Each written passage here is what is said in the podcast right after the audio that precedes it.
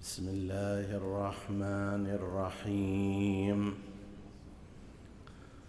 صلى الله عليك يا سيدي ويا مولاي. يا رسول الله. وعلى أهل بيتك الطاهرين. صلى الله عليك يا سيدي ويا مولاي. يا أبا عبد الله الحسين. أعظم الله أجورنا وأجوركم بمصابنا بالحسين الشهيد.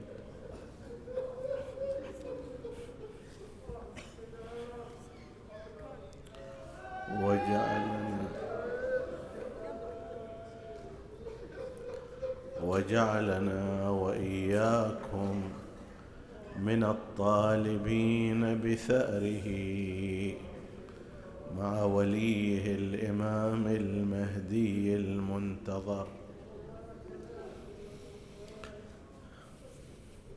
لست أنساه طريدا. من جوار المصطفى. لا إذا بالقبة النوراء يشكو أسفا. قائلا يا جاد رسم الصبر مني قد عفا. ببلاء أنقض الظهر وأوهى المنكبين. وحسينا.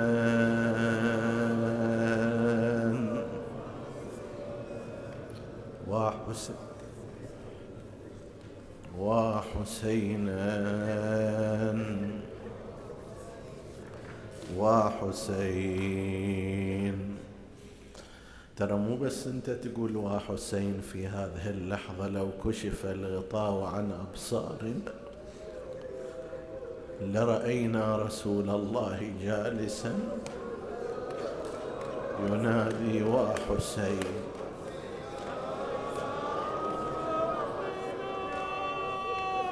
ولنظرنا علي بن أبي طالب. ينادي وحسين.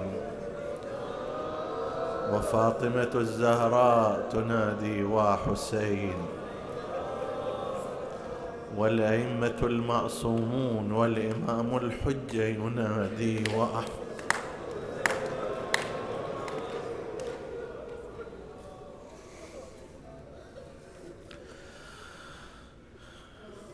ملائكة الله تنادي في هذه الليلة وحسينا وابن رسول الله. ضمني عندك يا جداه في هذا الضريح.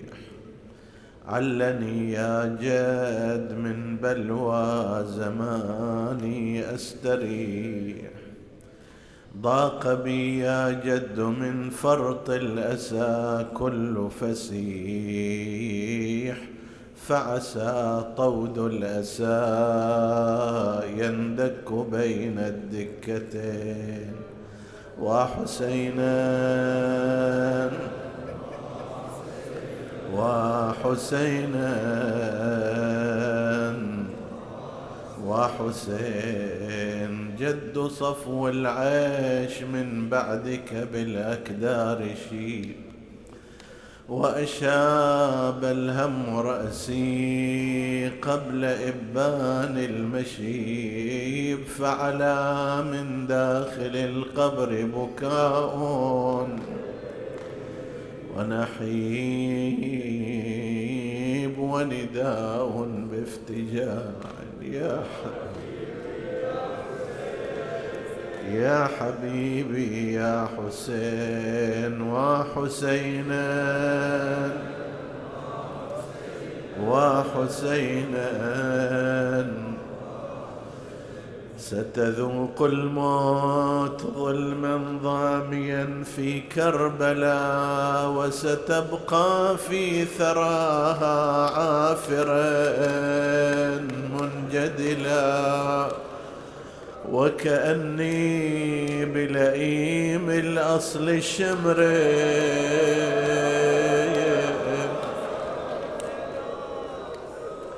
قد على صدرك الطاهر بالسيف يحز الودجين. وحسينا وحسينا وحسين وسر السبط بالأهل والصحب بملحوب الطريق. يقطع البيد مجد مجدا قاصد البيت العتيق. فأتته كتب الكوفة بالعهد الوثيق. نحن أنصارك أقدم سترى قرة عين وحسينا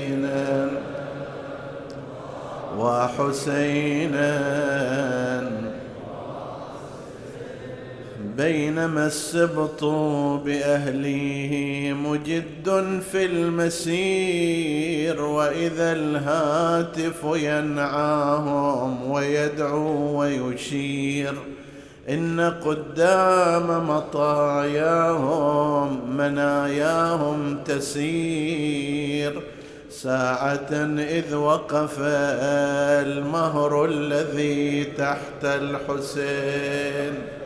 وحسينا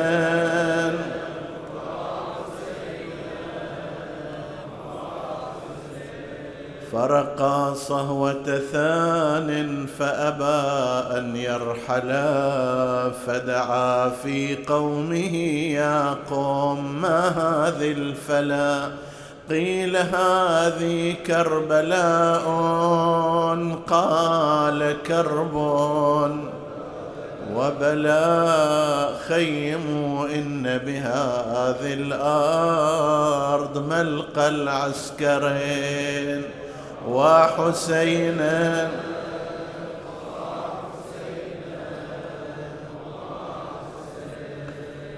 ها هنا تنتزع الأرواح من أجسادها بضبا تعتاظم الأجساد عن أغمادها وبهذه تحمل الأمجاد في أصفادها في وثاق الطلقاء الأدعياء الوالدين وحسينان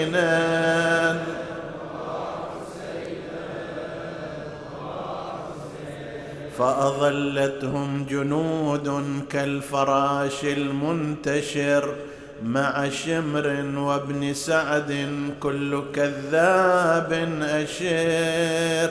فاصطل الجمعان نار الحرب في يوم عسير. واستدارت في رحى الهيجاء أصحاب الحسين. وحسينا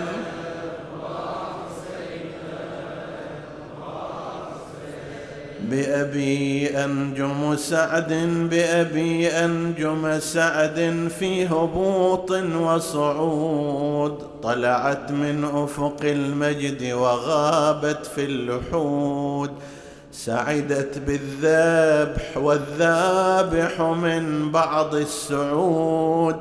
كيف لا تسعد في حال اقتران بالحسين وحسين؟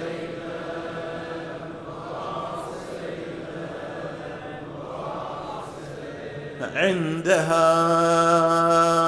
ظل حسين مفردا.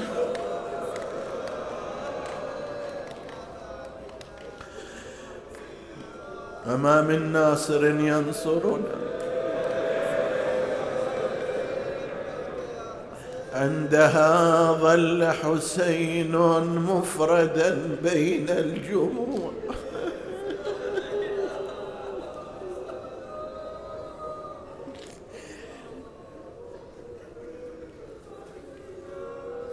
ينظر الآل فيذري من مآقيه الدموع فانتظى للذب عنهم مرهف الحد لموع. عزمه يغريه بالضرب شمال الصفحتين وحسينا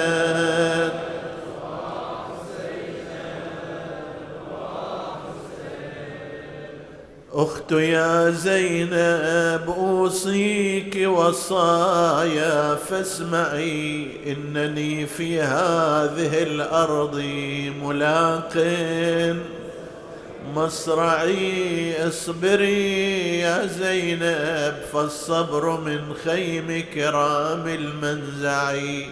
كل حي سينحيه عن الأعداء حين وحسن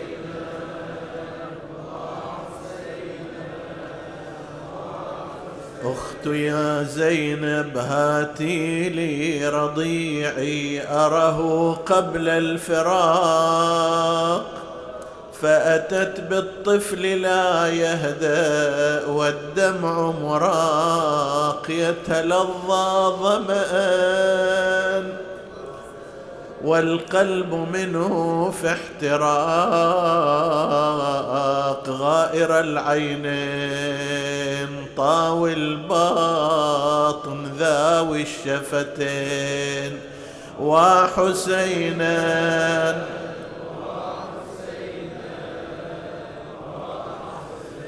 فدعا في القوم يا لله من خطب فظيع نبئوني أأنا المذنب أم هذا الرضيع. لاحظوه فعليه شبه الهادي الشفيع. لا يكن شافعكم خصما لكم في النشأتين. وحسينا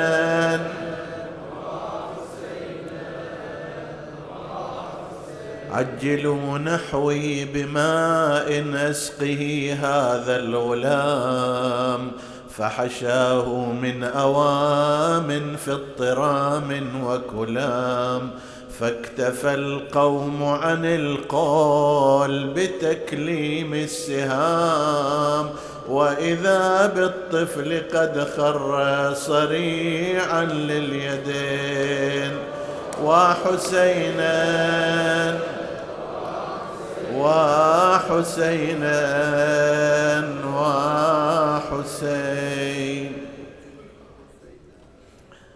لكنما الأمر لله لا حول ولا قوة إلا بالله العلي العظيم. إنا لله وإنا إليه راجعون. وسيعلم الذين ظلموا أي منقلب ينقلبون والعاقبة للمتقين. عظم الله أجورنا وأجوركم بمصابنا بالحسين الشهيد. وجعلنا الله وإياكم من الطالبين بثأره تحت راية وليه المهدي المنتظر عجل الله تعالى فرجه الشريف. لا ريب أن النفوس مهيئة لقراءة المقتل الشريف وإسالة الدمعة الغزيرة وانكسار القلب على ما جرى على الحسين وأهل بيته وأصحابه.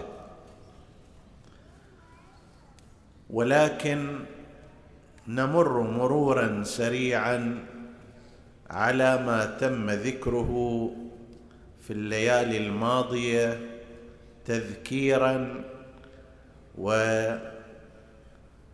تنبيها على ما أراد الحسين عليه السلام وأهل بيته أن يقولوه للناس من خلال توجيهاتهم وتضحياتهم.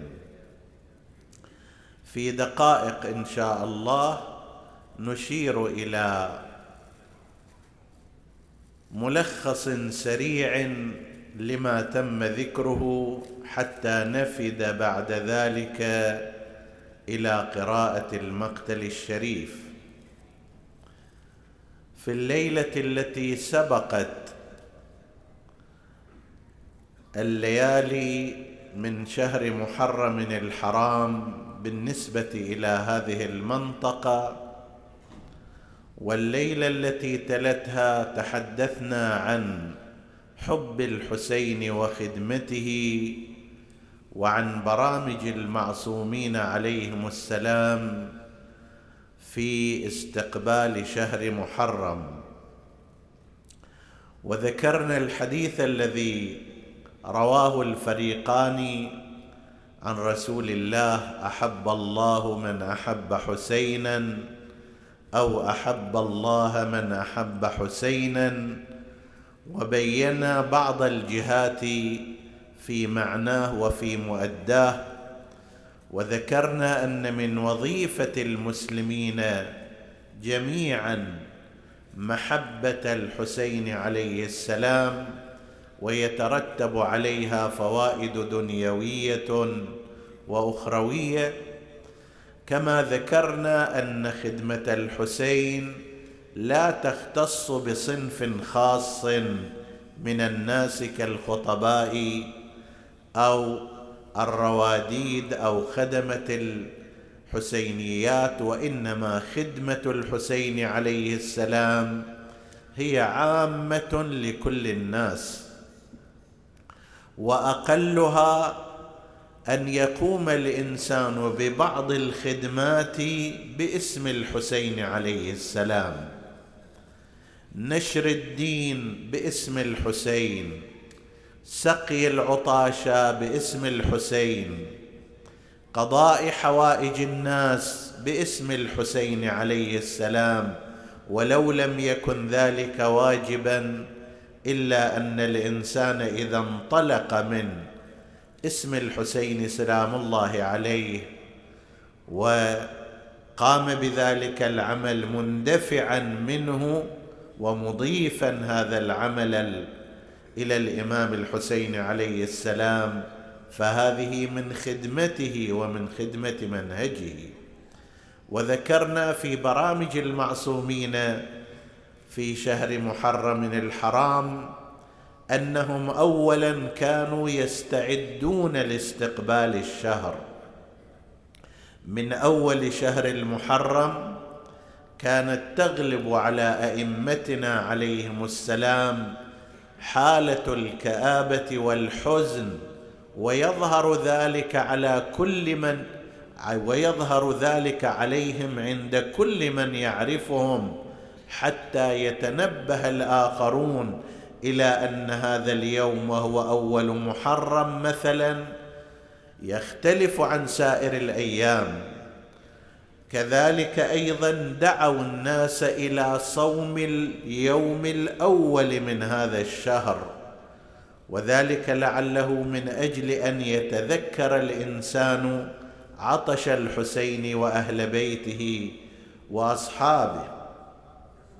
وهكذا كما كانوا يستعدون بالكآبة والحزن ويؤكدون على استحباب اليوم الأول فقد كانوا ينهون عن صوم يوم عاشوراء لا سيما إذا كان على سبيل التبرك حيث أنها سنة أموية سنها بنو أمية وكما جاء في الزيارة إن هذا يوم تبركت به بنو أمية وابن آكلة الأكباد.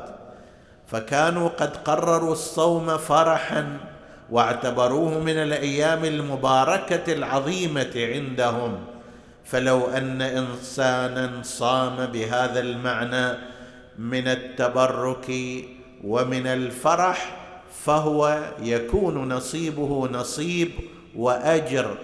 آل زياد آل زياد وآل مروان وبني أمية.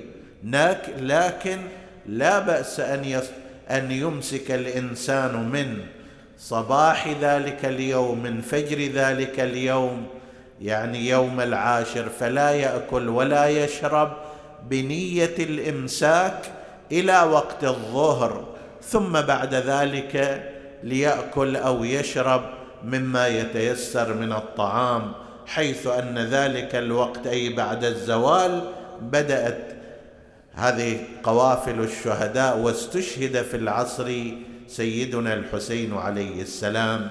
كذلك بينوا كراهة السعي في أيام في يوم عاشوراء لحوائج الدنيا وللربح فيها فإنه لا بركة فيها إذا كانت كذلك.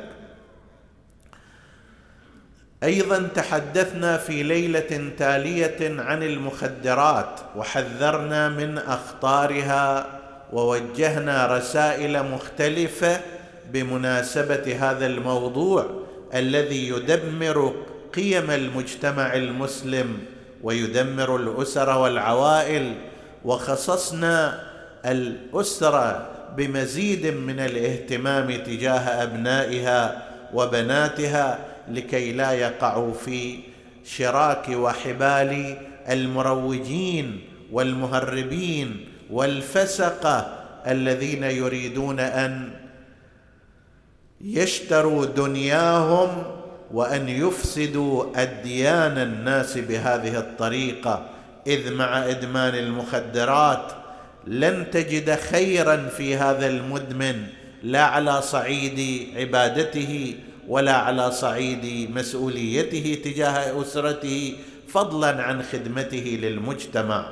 حذرنا من هذه الآفة لأن هناك جهات تعمل بشكل دائم لإغراق بلادنا وعموم البلاد الإسلامية في هذا المستنقع الخطر. بعدها تحدثنا أيضا إلى أمر آخر وهو موضوع الحجاب وبينا أن الإسلام كما بين القيم العالية والأهداف الكبيرة التي ينشدها من الناس بين أيضا لهم طريقة تحقيق ذلك. نشد العفاف في المجتمع فبين طريقة الوصول إليه وقال على المؤمنين أن يغضوا من أبصارهم الا ينظروا نظرات شهوية كما بين أن على النساء أن يلتزمن بالحجاب ومن خلال التزامهن بالحجاب يمكن أن يقطع التيار الشهوي في المجتمع وآنئذ سيعيش هذا المجتمع على هدى الله سبحانه وتعالى. ولا يقبل كلام أحد من أن الحجاب لم يرد في القرآن فإنه قد ورد في عدة آيات وورد في كلمات رسول الله صلى الله عليه وآله وفي كلمات الطاهرين والمعصومين في أحاديث كثيرة جدا وأصبح مما استقرت عليه الديانة الإسلامية من أن الحجاب على المرأة واجب ووجوبه ضروري من ضروريات الفقه الإسلامي عند جميع المسلمين. أيضا تحدثنا عن موضوع انتخاب الإنسان لمصادر الفكر والمعرفة التي يتغذى عليها كما أنه ينبغي أن ينظر إلى طعامه الذي يأكله فيجنب بطنه ما يؤذيه ينبغي أن يجنب عقله وفكره المواقع التي ترديه سواء كانت تلك المواقع فيها الحرام البين والواضح فيها المخالفات الشرعية الواضحة أو تلك المواقع التي تشبه في كلامها كلام المسلمين وتشبه في كلامها كلام شيعة أهل البيت لكنها بالتدريج تنتهي إلى إغفال الناس وإلى سرقة إيمانهم الحقيقي وإلى توجيههم توجيهات غير صالحة وربما متطرفة. فلينظر الإنسان إلى طعامه بالرغم من أن ظاهرها وهذا أحد بطونها النظر إلى الطعام البدني إلا أن أئمتنا عليهم السلام كشفوا لنا عن بطن آخر أعمق وهو الطعام الفكري وهو العقائد. وهو الأحكام وهو الثقافة ينبغي أن يؤكد عليها الإنسان المسلم أكثر من التأكيد على طعامه الغذائي. كان لدينا حديث أيضا حول أن الشذوذ العالميه مصيره إلى زوال وبينا في ذلك أن هذه الثقافة الغربية ثقافة منافقة كاذبة ضارة ينبغي أن يقطع الإنسان أي علاقة بها فيما يرتبط بخريطة الحياة ونظام الحياة وكيفية السلوك لأنها تنتهي وقد انتهت فعلا إلى مثل هذا. بدأت بما يسمونه تحرير المرأة بمعنى نزع حجابها وانتهوا إلى تشريع وتقنين هذه الأنواع العجيبة الغريبة التي لا تخطر على بال إنسان من الشذوذ الأخلاقي والجنسي والحبل على الجرار ولا نعلم إلى أين يريدون أن ينتهوا بهذا العالم. وضغطوا على الشركات وعلى الدول وعلى كل وعلى الأفراد وعلى الرياضة وعلى السياسة وعلى الاقتصاد وعلى وعلى من أجل أن يؤيدوا هذا التيار المنحرف الشاذ تحت وطأة التهديد بالعقوبات والحرمان وما شابه ذلك. لكن نحن نعتقد أن هذا التيار الشاذ العالمي مهما بذل فيه وله إنه إلى زوال وإلى نهاية لأن مواعيد الله عز وجل تقول إن الباطل كان زهوقا وهذا من أوضح أنحاء الباطل. ولأن هذا التيار الفاسد المفسد يستخدم أدوات ووسائل وأساليب هي نفسها ستدمره وستنهي وجوده. لكن هذا لا يعني أن الإنسان ينام على حرير الاطمئنان وإنما يجب على هذا الإنسان أن يفكر مليا في أسرته وأن يبذل وقتا طويلا معهم وأن يثقف أبناءه وبناته بما ينسجم مع القيم والأخلاق الإسلامية. كان لنا أيضا حديث حول كيفية مهاجمة بعض الخاطئين والمنحرفين عن الاتجاه الصالح كيف يهاجمون المرجعية الدينية الشيعية.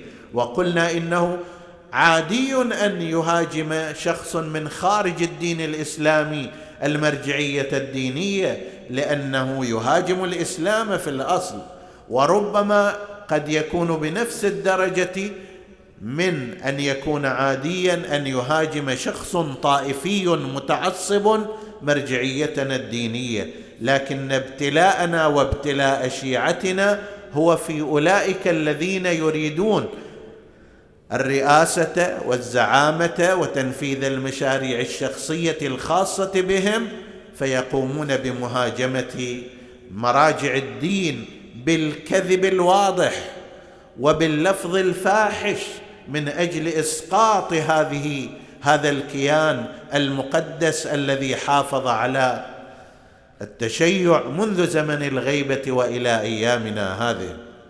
كذلك كان لدينا حديث عن قضية الحياة الزوجية والتعثر الذي يحصل فيها وأرجعنا أسباب ذلك إلى بعض الأسباب المهمة منها تراجع دور الزوج كأمان وضمان لأسرته ومنها أيضا تراجع إحساس الزوجه بلزوم الطاعة والانقياد إلى زوجها في داخل البيت طبقا لما قال الله من أن الرجال قوامون على النساء فتراجع دور الرجل لم يعد امانا كافيا وضمانا دائما بسوء بعض التصرفات وأيضا تراجع تراجعت حالة بعض النساء في أمر الإطاعة والإنقياد فحصلت تعثرات في الحياة الزوجية. وانتهينا أخيرا إلى الحديث عن إمكانية ووقوع رؤية الإمام الحجة عجل الله تعالى فرجه الشريف في زمان الغيبة الكبرى كما أنه رؤي في زمان الغيبة الصغرى ورؤي في أيام طفولته من قبل أصحاب والده الإمام العسكري عليه السلام هو أيضا يرى في هذا الزمان لكن يحتاج الإنسان إلى أهلية وإلى قابلية لكي يصل إلى هذا المستوى من الإيمان من التقوى من العبادة من التقرب من التوسل حتى يرقى إلى مستوى لقاء هذا الإمام. جعلنا الله وإياكم ممن يلقاه وممن يكون في نصرته وممن يلتحق بركبه إنه على كل شيء قدير. هذه جملة مما ذكر في هذه الليالي العشر. وهذا يبين لنا لو أننا حسبنا ما قرئ هنا وقرئ في كل أنحاء العالم الشيعي من مواضيع ومواعظ وإرشادات وأحاديث لرأينا شيئا هائلا من التوجيه والإرشاد. إلى القيم الحقة وإلى الأخلاق وإلى العبادة وإلى الإيمان بالله عز وجل. وهذه كلها من بركات أبي عبد الله الحسين سلام الله عليه.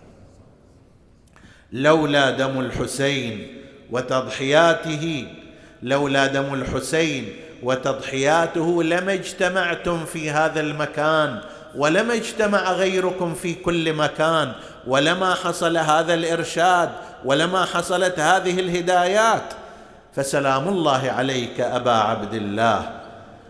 المليارات من البشر منذ شهادته وإلى يومك هذا وسيبقى هذا الدم الساخن المبارك منبعا للهداية والفضيلة. مليارات البشر اهتدوا إلى دين الله والتزموا نهج الله ببركة دم الحسين عليه السلام.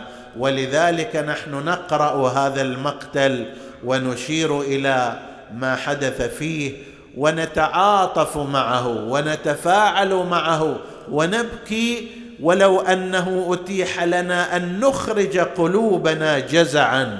لفعلنا ذلك لكننا نعبر عن ذلك كأن قلوبنا تذوب كمدا فتخرجها أعيننا دمعا وحسرة وحرقة. صلوات الله على أبي عبد الله الحسين. هلموا وانقلوا قلوبكم إلى كربلاء. وغدا هو العاشر من شهر المحرم. تصور بعين قلبك مو بكلمات. تصور المعركة وتصور الحسين وتصور المعسكرين وتصور الألم وتصور الدماء والجراح.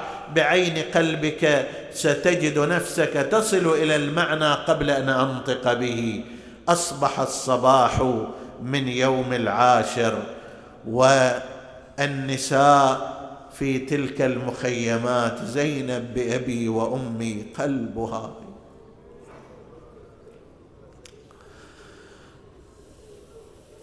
قلبها كجناح طائر يرف من الخوف بأبي وأمي. ما الذي ستسفر عنه هذه الساعات يا زينب؟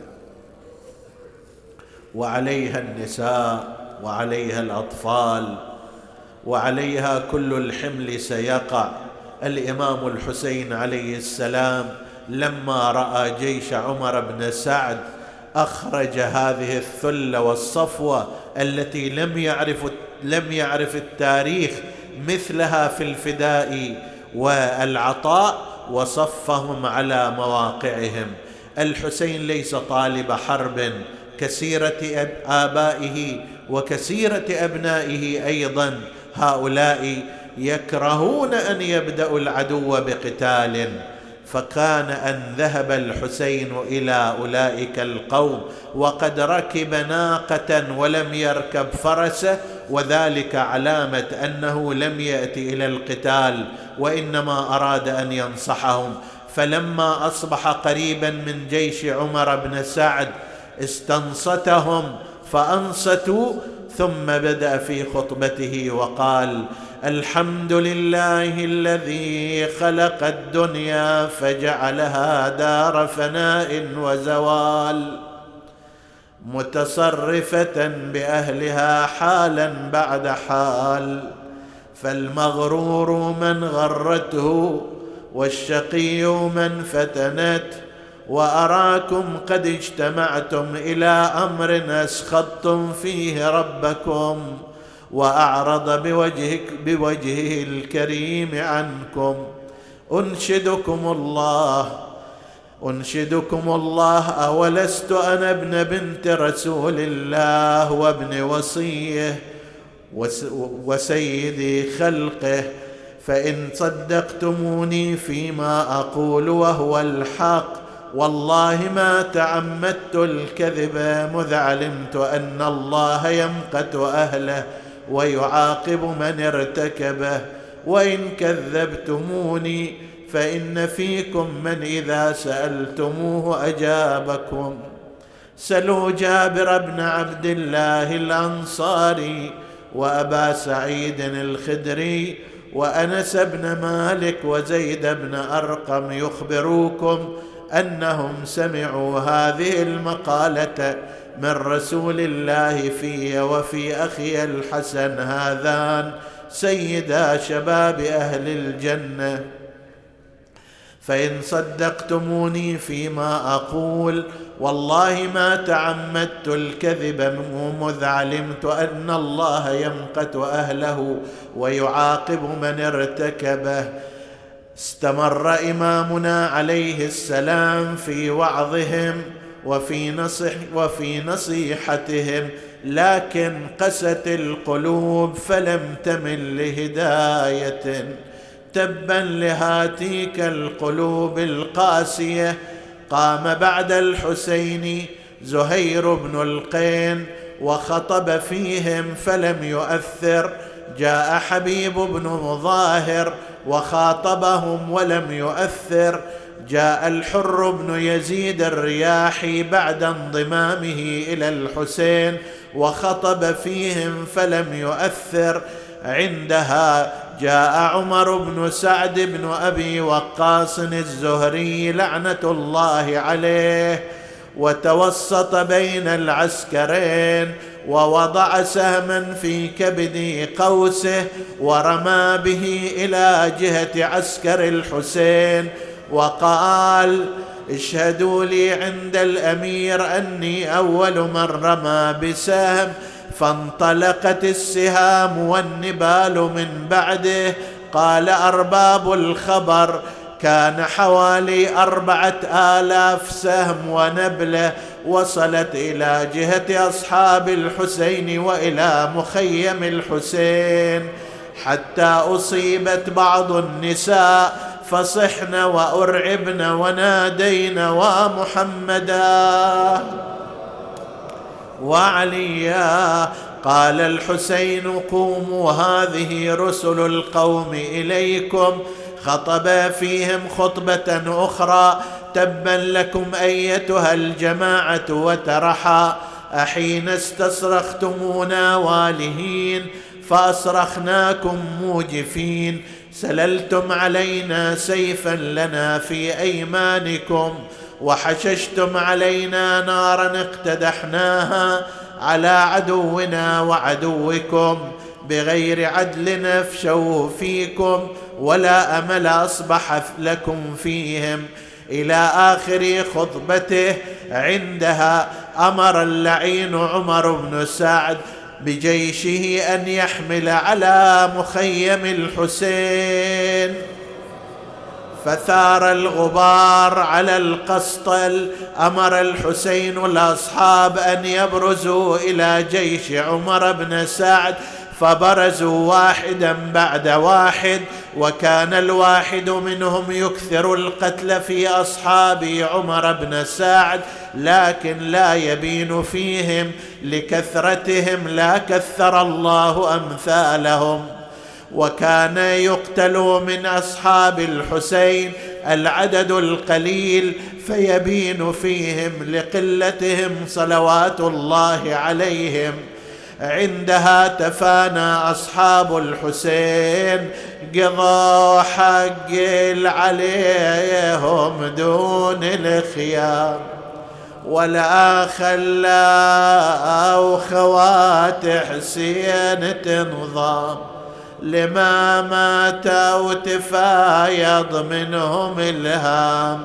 تهاووا مثل ما هو النجم من خر. بعد أن استشهد أصحاب الحسين جاء الدور على الهاشميين فأول من برز للقتال شبيه رسول الله علي الأكبر سلام الله عليه. كما سمعتم في ليلة مضت ما هي إلا برهة من الزمان وإذا بهم قد قطعوه إربا إربا أيوا عليا. وسيدا بعدها برز أبناء عقيل وأبناء الحسن وبقية من أبناء أمير المؤمنين عليه السلام. ولم يبق مع الحسين إلا أبو الفضل العباس استأذنه للقتال. فبرز إلى المشرعة كشفهم عنها ولكن كما سمعتم في ليلة مضت أيضا لم يوهلوه أن يوصل أن يوصل القربة إلى المخيم بل قطعوا منه اليمين وأتبعوها بالشمال ثم فضخ رأسه بعمد الحديد. أيوا عباسا ذهب الحسين إليه جلس عنده بكى عليه رثاه ثم رجع إلى الخيمات وحيدا. استقبلته زينب وسكينة. أين عمي العباس؟ تقول سكينة. وزينب تقول أين ابن والدي؟ فقال لها يا سكن راح عباس وراح الضيغم اللي يرفع الراس وظل يبكي عليه الدرع والطاس عندها قال الحسين لأهل بيته الوداع الوداع ودعوني أهل بيتي الوداع. يوم عاشر يذبحوني الوداع. فاحاطت به النساء هذه تشمه تلك تضمه. هذه تقول إلى أين يا حمانا تلك تنادي إلى أين يا رجانا؟ وافتقد الحسين ابنته سكينة فسأل عنها قيل إنها في داخل الخيمة. دخل إليها وإذا بها قد وضعت رأسها.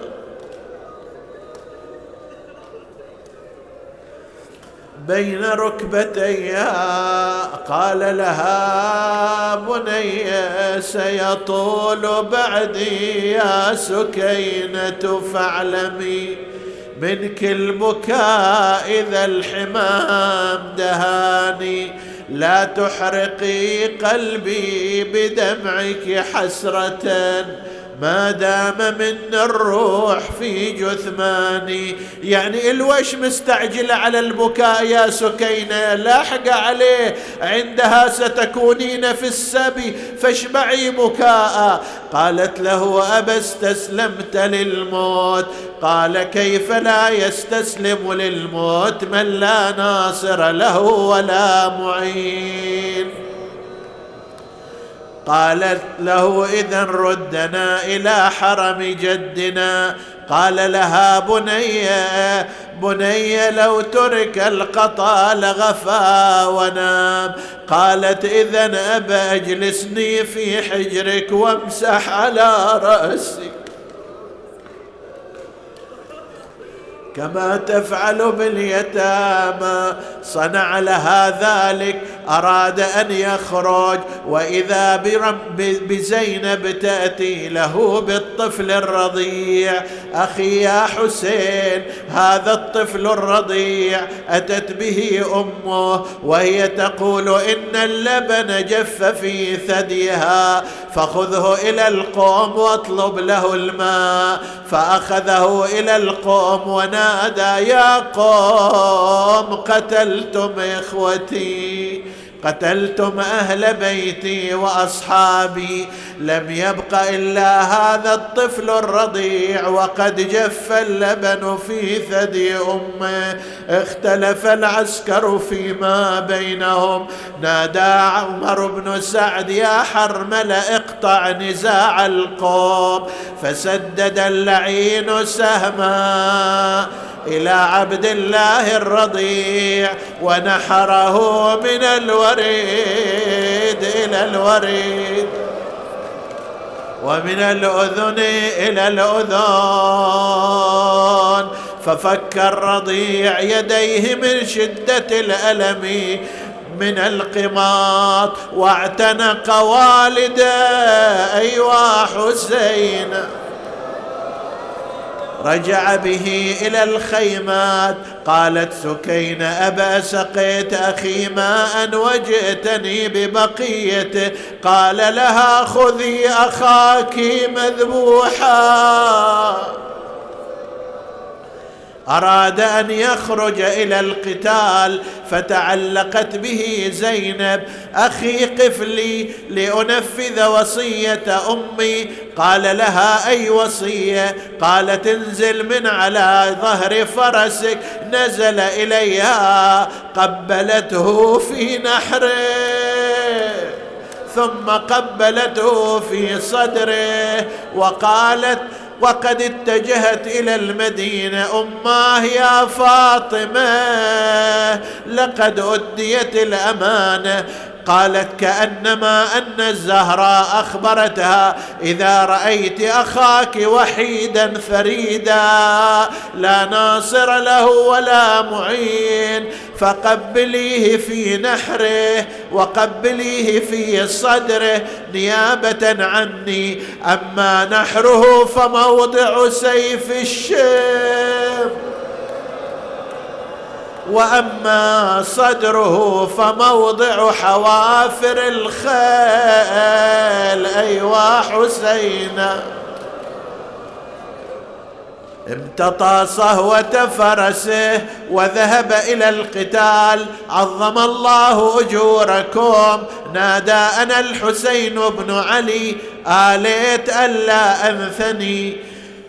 وهكذا كان يقاتلهم قتال الأبطال حتى لم يبرز إليه رجل إلا قسمه نصفين أو ضربه على عاتقه حتى أكثر القتلى والجرحى فيهم فنادى عمر بن سعد ويحكم أتدرون من تقاتلون؟ هذا ابن قتال العرب هذا ابن علي بن أبي طالب ألا لا يبرزن إليه أحد؟ ولكن ماذا نصنع؟ قال اهجموا عليه بأجمعكم. فدار العسكر على الحسين فرقة بالنبال فرقة بالرماح فرقة بالسيوف حتى بالحجارة يا مؤمنون. دار العسكر على حسين يا حف ناس بالرماح وناس بالسيف يشبه دورها على الليث المخيف. بياض العين بصبيها يتدور. هنا وقف الحسين عليه السلام. وقد أعياه نزف الدماء وأصبح جلده كالقنفذ وتكاثرت الجراح عليه وسالت دماؤه زاد عطشه بأبي وأمي حرارة الشمس والجهد الذي بذله وهذه الدماء النازفة وفوق ذلك قلبه قلق على مخيمه وقف يستريح قليلا. أين المنادي وحسينا بينما هو كذلك وإذا بحجر أبي الحتوف يقع في جبين الإمام. قلنا حتى بالحجارة ما بقيت وسيلة إلا حاربوا بها الحسين. فشج جبين الإمام عليه السلام أين المنادي وحسينا؟ نزع الإمام عمامته وضعها على موضع الجرح فامتلأت. رفع الإمام ثوبه لكي لا يغطي الدم على عينه. أين المنادي وإمامه؟ لما رفع ثوبه أخذ اللعين حرملة الفرصة ووجه إلى إمامنا سهما مثلثا. فوقع في أحشاء الإمام. ايوا إمامه وسيداه وابن رسول الله. قالوا أراد الحسين أن ينتزع السهم من أمامه ما تمكن لأن السهم قد تنشب في أحشائه فأخرجه من خلفه. فسال دمه غزيرا عبيطا عندها لم يستضعفت قواه ولم يستطع أن يستمسك على ظهر الفرس أخذ إمامنا يتمالك.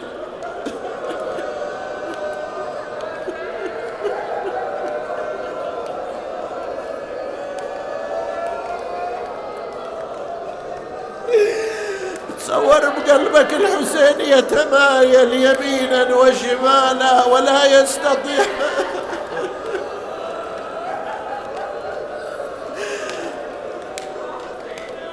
أخذ يتمايل على ظهر الفرس من شدة الضعف والظما وكثرة السهام. أحس الفرس بأن خياله يكاد يسقط فتدانى إلى الأرض وعندها وقع إمامنا على التراب.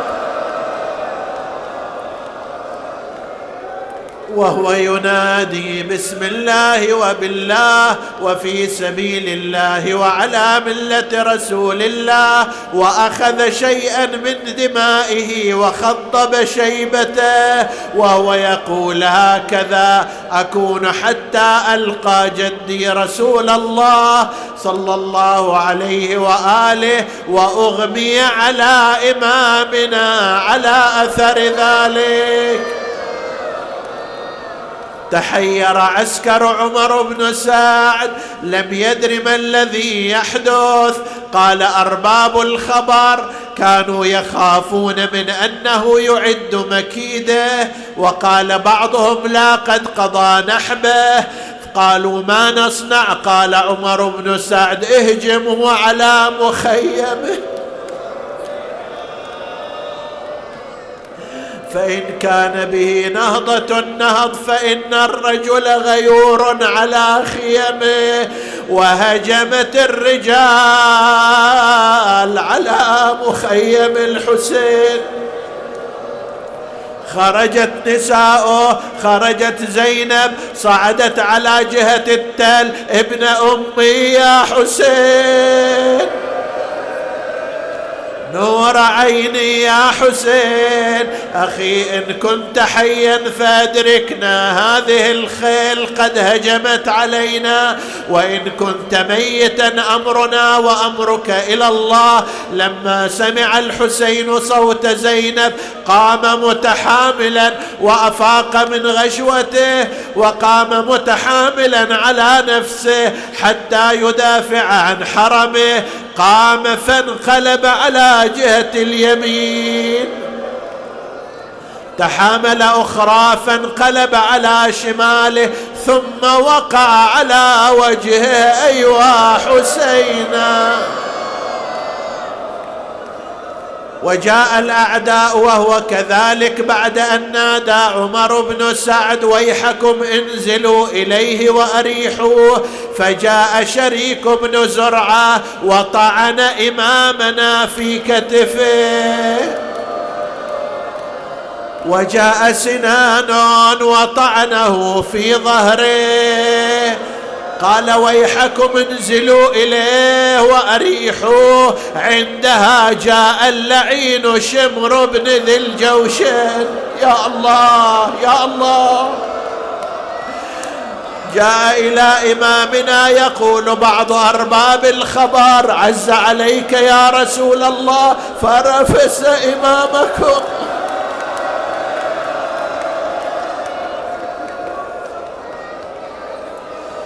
رفس إمامنا برجليه وتربع على ظهره وأخذ يهبر أوداجه.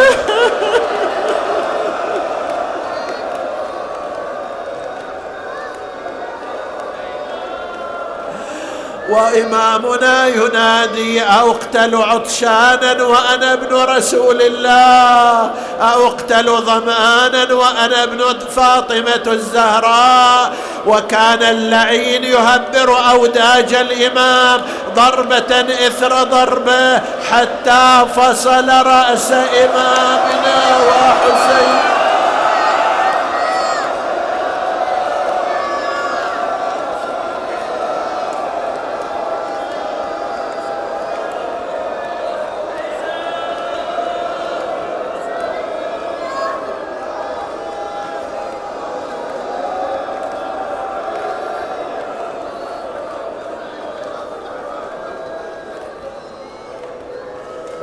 أيوا حسيناه وإماماه وسيداه وصريعا عالج الموت بلا شد لحييه ولا مد ردا. قتلوه بعد علم منهم أنه خامس أصحاب الكساء. وصريعا عالج الموت بلا شد لحييه ولا مد ردا.